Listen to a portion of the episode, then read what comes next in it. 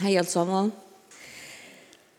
Ja, nå sier jeg tør at det tror jeg, men ja, det er godt tror jeg et halvt år vi dvår her i det, så det er vel ångre så igjen en sånn. Men etter det så tror jeg, tror jeg et halvt år, så er det virkelig godt at vi ser Arne og utleggt, og så har vi kommet hjemme etter det av klettene her, og til ikke minne godt at vi har samme vittikken her etter Libanon. Da vi var i Osland og Solbjød, så tåsa vi mengen om akkurat sakn her til tikkun her i Libanon og den andalige fellesskapen som er her. Tøyen i Øslande, hun var sere gøy, hun var streven, avbjørende. men tøyen var eisen så lærerøk og så gjevende, og vi er ikke yngst av er tøyene for i åttan. Etter en av mine første misjonsferiene var i Øslande, som var den første var i Seidjan, ta vaktes nekka og hjertan som er for i Øslande.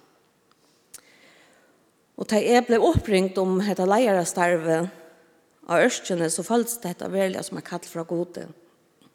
Om jeg skulle fære til Osland, så var jeg leier på Ørskjene. Men togjen vi korona, hun sette så et særmest av eikjenn av tøyene og til vær. mest av avmarskingen, og mengen sette jeg spørningen til god med han i vær Ørslandet. At hvert er tøyen atlan vis ned, hver hette ikke kall fra der og jeg sa fyrir meg ta at dette kunne være enten ørskjene. Avmarskingar var jo her i Bruslandet var nek strengere enn det var her hjemme. Avmarskingar var jo mer enn ett år, og vi kunne alls ikke komme sammen ved falskene som var her i Vi kunne ikke skapa relasjoner.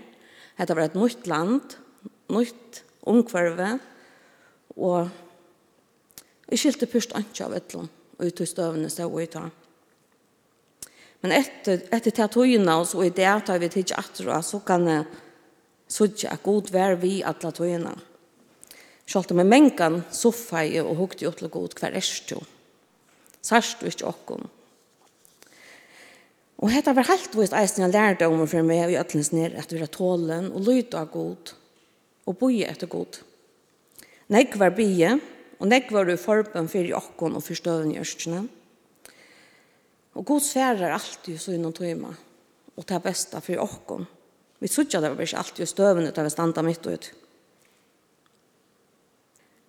At vi er ugen som leierstarven noen som, som, som misnerer som det er, og samståndet som stand i en antall leier tjenest, var sere spennende og samståndet eisen sere krevjende.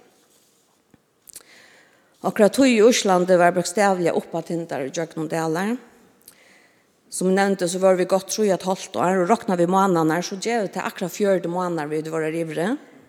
Og vi tar kjempe ofte enn jeg heter hver som fjørde måneder gjør en øymerska, en øymerska gongt. Men vi mekna var stor i Ørskjene, og vi kom i gjøkken der ringast og ære som Ørskjene akkurat gjør verre enn vi vantande geston, turiston. Og til ringast der urslitet, altså her var ungen, ungen gester, og det gjør ungen inntøkken. Men så var vi eisen i jøkken ta beste og er nærkrand og vi vidjande geston, turiston, og ta beste vi, vi er noen, det beste talje i skott i bottenlinjene. Åttan pening, så er det ikke norsk, og åttan norskene, så er det ikke misjon. Så hette jeg tenkt sammen, og det gav en, en avvis, en avvis press og en at man skulle mekne djøkkene der. Men vi god i ætlan så, så mekna vi et eisne større djøkken nesa tøyina. Og vi var og tvei i hesson, og utan til så, så veit ikkje hver, hver vi tatt og veri eller Nei, jeg tar ikke hoksa tankan. Så vi var tvei, og vi kunne stola hver nøron, og til har vi gjørst sera vel alle satt og innan. Vi har trivist vel saman i arbeidene. Vi var saman for 20 tjei, altså vi arbeidet saman, og vi ehm vi litt oppgavene, vi hade samma troan og hjärtan om kvart vid yngst gjøre og gjøre ges arbeid Og til at vi då trivs så vel sammen, Det er ikke noe sjåfølge. Altså, det det er veldig en sikning fra gode at, at selv om togjen var hardt pressa. Det var nekve spurningar og det var nekve arbeid vid vår mø og så tar det kjøtt at fjuset er stittre, og man kan glepse akkurat nøren, men, men til omgått vil et øvått år i nøkron, og det er en sikning. Det er ikke en nøkron sjølfølge.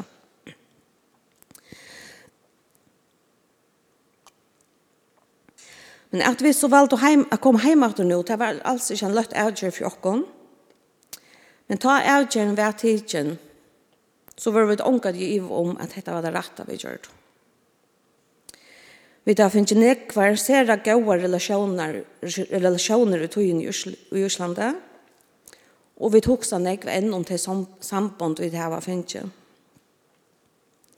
De hava öll finnes jeg sørste plass i akkurat hjertet, og er det mye vana vi kunne halda. Halda til samband vi lyka og mølja styrkja deg enn meira i kommande tøyen. Vi hadde en frafæringa løte i Jorslande, vi hadde ikke, det ble kjipa fyri einar og fire okkon, og det var så rørande til å få oss en ekva helsane fra ødlen som kom og fram vi. Jeg sier okkon farvel og takkar for årene og togene. Den løtan, hun settes eisen fast i okkara hjertet. Og da gjør det ikke nemmere at sier farvel. Men jeg vil eisen nøyde høy vi her, at sier til kontakt for togene tid det var fyllt vi også med videre i Jørslandet. Og takk for bønene. Og så skal jeg glemme at det er vidtjener, at vi tar vidtjen her fra Libanon og kommer over her og møter.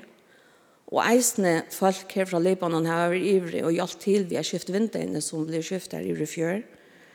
Og til er vi ser det takk som fyr. Onkel kom flotter og kom igjen brev vi eisende fra folk her i Libanon. Og til, til rører regnet. I Osland i arbeid vi nær om det og nått, her er nekk om å være. Så tar vi flott og atter til førje, var vi trøyt og falt og lykket som vi tatt og bruk for å lente. Til så, så begynner vi bæg og i starve beina ved en vikene etter vi var kommet atter.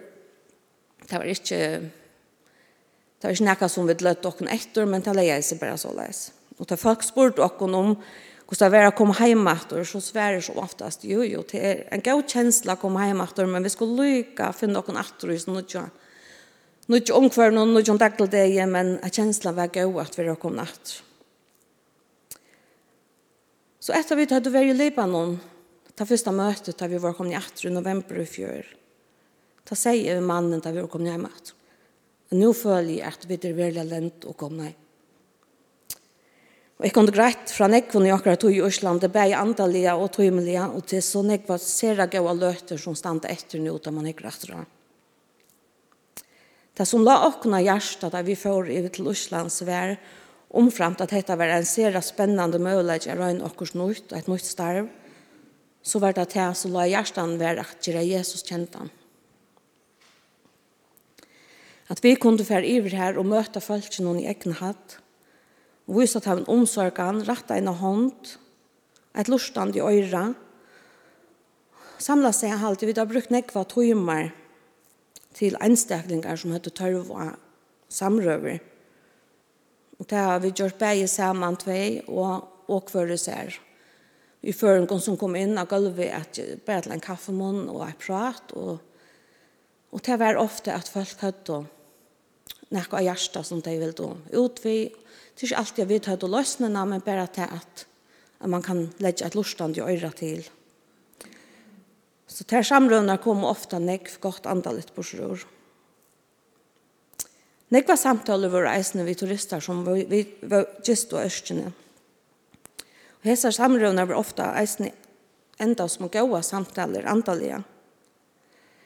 Her vidt hadde mølaga av gods år og i samrøvne, eller koma vi en vittnesbordet. At man stender i en starve som man kan kalla et verslig starve vid er leier og ørskjeni og ta vera rydje som et professionelt hotell. Det gjør jo eisne vi kunne, vi tar ikke lov at evangelisera av okkar antikon, men vi men bøyer vi her til at onkur spyr spurningar, og såleis kunne vi svære atter og komme vi en åre fra god eller en vittnesbordet Så, så det var en balansegång til mittelen alt. Eisen mittelen starvsfolkene, så kunne vi ikke, altså til vite hva Ørsten stendte fire, men vi hadde ikke, vi kunne ikke kreve at det var tryggvande folk som var i starv. Vi kunne ikke kreve at starvsfolkene tog og lot i til antallige virksomheten. Ta, ta kommer virksomhet under hotellvirksomhet og, og til lover og regler man må fylke. Så det er en balansegång. Men fra tamovidjande turisten og gesten så kom det ofta spurningar inn til et kvart. De så et bibelvers hengande brodere av vetjen Og det kunne spyrre inn til, og de stod av førskolen og spyrre inn til hva det meste. Og så kunne en samtale åpnes opp Og det var eisen bøybler, er det andalige bøker lå framme, så gester så og kvett, kvett er vi stå og fire. Og møtesaleren Ørstene var eisen åpen daglige, her til så og tellerstålen standande og solmabøker og annaliggjande. Vi kjipa var fire møten av Ørstene, vi kjipa for kyrkjegång, vi leia og kyrkjer i Ørslandet til Ørstene, at førska prester kom over at uh, heva kyrkjegongt fyrir førengånd. Og vi skipa av nekvon, fyrir nekvon hona løtt, om vi imson og ukaste for at lakka om gottene så vi kom i samband vi flere folk. Og nekva var og samrøvnar bæg vi føringar, uslendar og utlendingar, og tar var sera djevande samrøver. Og ta høyde ved eisne mølagan er møta til einstakka meira personliga og i samrøvnum. Tyverre gongur den kristelige antallet rart i Íslandi, han skreiva veien. For kvørst år så fakkast limer i kyrkjen og fellesskapen, til å si som er den østlenska folkekyrkjen, kvitsunkyrkjen og frukyrkjen og brøvra her fakkast til i allsamt for kvørst år. Og andre troarfelle i Íslandi, de er vaksande, så som Asatrykven og og Simen, som vi her hjemme kalla, kallast uh, humanistafellet. Og annars flere er ånder som er ikke kristelig troarfellet legges at rett når de første er. Samla jeg kristna folketallet i Osland ligger av lei 35 prosent. Til samme berger her til er i så kan jeg si at her ligger det nekka om 95 prosent. Hóast hese tøl ikke si okkur alt om hva en einstakan eller hvordan de har vært personlige til ikke andalige støvo, så sier det okkur, eller gjør okkur en avbendig om hva kvann veta ber. Men hva kunne vi så gjøre? Nå sier jeg at vi får det til Oslands vi er noen troende i hjertet gjør Jesus kjent han. Men hva kunne vi så gjøre for å gjøre Jesus kjent han? Og, og hva kunne vi være vidt til å gjøre? Her vil deila vi tekkun ur kapittel 16 til Hansen. Dævren er skurs høstavur, dævren fire lenga frutja det, og æren Jesus er lojing og ævrattan. Jesus han er samla sine lærersveiner til det seneste kvöldmåltøyna. Og i kapitlen om Arjen Seidjan fra 14 til 16 her, her leser vi om Jesus er seneste tale til lærersveinerne og æren han skulle loje og færa fra dem. Og nu avslutter Jesus i seg og tale ved en langere bøn. Bønnen, man kan si hun er delt opp i trutjer, eh, delt opp i troi. Første versene fra 1 til 5, her blir Jesus fyrir seg selv. Og så fra verset 6 til 9, her blir han fyrir lærersveinen. Og så blir han fyrir ødlund tryggvande fra vers 20 til 26. Vi kunne lese sammen eh, Johannes kapittel 16 fra verset 20 til 26. Men jeg er ikke eina for Jesus, men eisne for Taimon som for år tarra for å trykva med. At teir atler med jeg være eit, en så to feir er eit og mer, en så to feir er stu mer og er jo ter. At teir eisne med jeg være i okkon til tessa heimeren skal trykva at to er sendt med. Og dårdena som to er givet mer har vi givet Taimon. Til hest til tess at teir med å være eit, enn så vidt er og eit. Jeg og teimon og to er mer, til tess at teir med å være fullkomlige samender til eit. Til tess at heimeren må sanna at to hever sendt meg, og at to elskar i teir enn så to hever elska meg. Fægir, jeg vil at teir som to hever givet meg eisen skulle være tja mer, her som jeg er. Til tess at teir med a skoa dård som to hever givet meg, til at du er elska meg og æren heimeren var grunda vår. Rattvåse fægir, og heimeren hever ikkje kjent det, men jeg har kjent det, og heser hever sanna at du har sendt meg. Og jeg har kunnkjørt heimen navntrykt og skal kunnkjøre til til tessa kærleikken som du har elska meg vi, skal være ut heimen og er ut heimen. Hetta er hans seneste kvöld og i Heson heime, som menneska. Etter til fyrir hans er løying av krossen og legger frutjøk.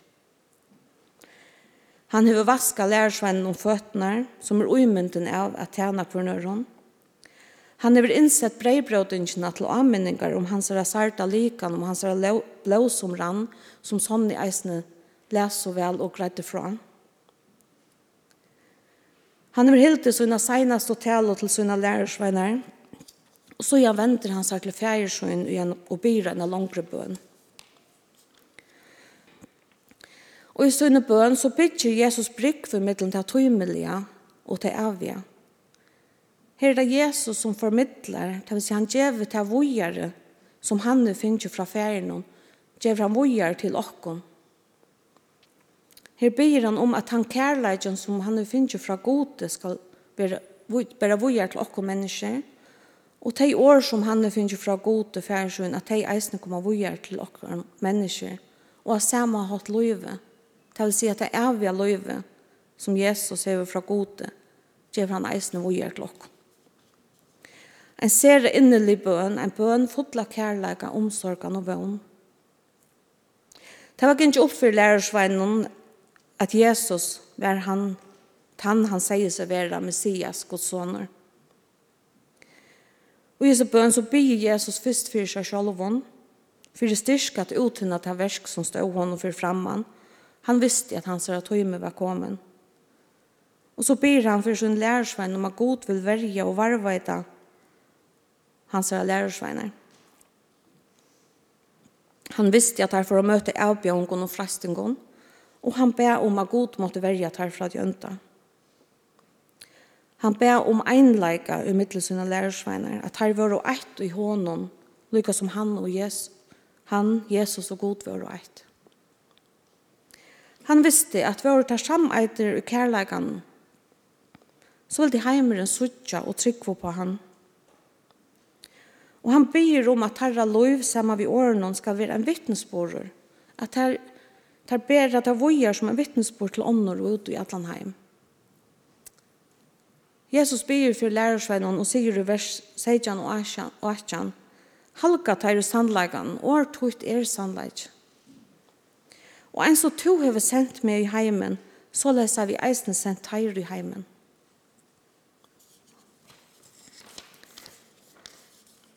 Jesus ber ikke einas for læreren, som er løs, så ber han eisen for ødlån tryggvande. Han ber for ødlån teimen, som er som fer at trykva han vi at lærersvenner får ut og bør åre vujar og vittnesbord om Jesus. Og hoksa seg at han sitter her senast av kvöld i hesten heimen og byr enn av bøn fyrir tær og mer som er kommet at trykva han. Og for ødlund taimon som kom at trykva han fra tog deg og til tann han kommer at. Og er en sønne løying så hoksar han om sønne lærersvenner og han hoksar om okkom og med og til. I senaste verset låser vi til tess av kærleidjen som to hever elska med vi skal være ui taimon og er ui taimon. Guds kærleidje til okkon dør omgang. Tan kærleidje er en sami, oansa hver vi er i løven og bæg tøymelige og andalige. Guds kærleidje til okkon er alltid en sami men Guds kærleik ui okkon er ongen sjåfylgja. Guds kærleik er livande, han er lov, og alt livande skal hava føye for ikkje dødja. Om Guds kærleik skal vera verand i okkon, så må vi løyva Jesus er framæt. Til jøknum Jesus er vi læra kjenne god. Til Jesus som lærer okkon om Guds kærleika. Til Jesus som gjør god livande for okkon og i okkon og i djøgnon okkon. Jeg søker til Jesus ui ødlån og vi ødlån det er det vi skulle legge okkon etter. At læra i djøgnon hansar år og koma saman om å høyra og les, høyra året og lese året. Til jeg vet ikke bruka at så vekser kærleikken, Guds kærleik, ikke ui okkon, og akkurat lov kan være åttan andalian vøkstur. Og i noen løsens med utgang til avbjøringar, så kunne vi det være leit inn i myskor for jeg kjenner Guds jøs. Atler okra grundvedler kan, kan skjelva for jeg vi kunne lære at Herren, at kjenne Herren som okkara og vikande klett. Meir vi kommer å kjenne Herren, meir og meir åpnas okkara eier, hvordan jeg og tørvar Jesus, han som er tannet og tømande kjeltan. at søker til Jesus vi ødlån, okkara hoa og heilun hjarta, og at leta hansara kærleika virke i okkom vi sunnun heila i anda.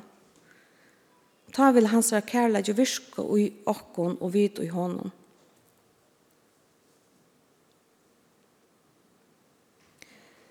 At vi megna at sitte okkara nasta som en god skapning, som tørvar Guds kærleika, Og han sier hver det er, eller hver det er og løv noen.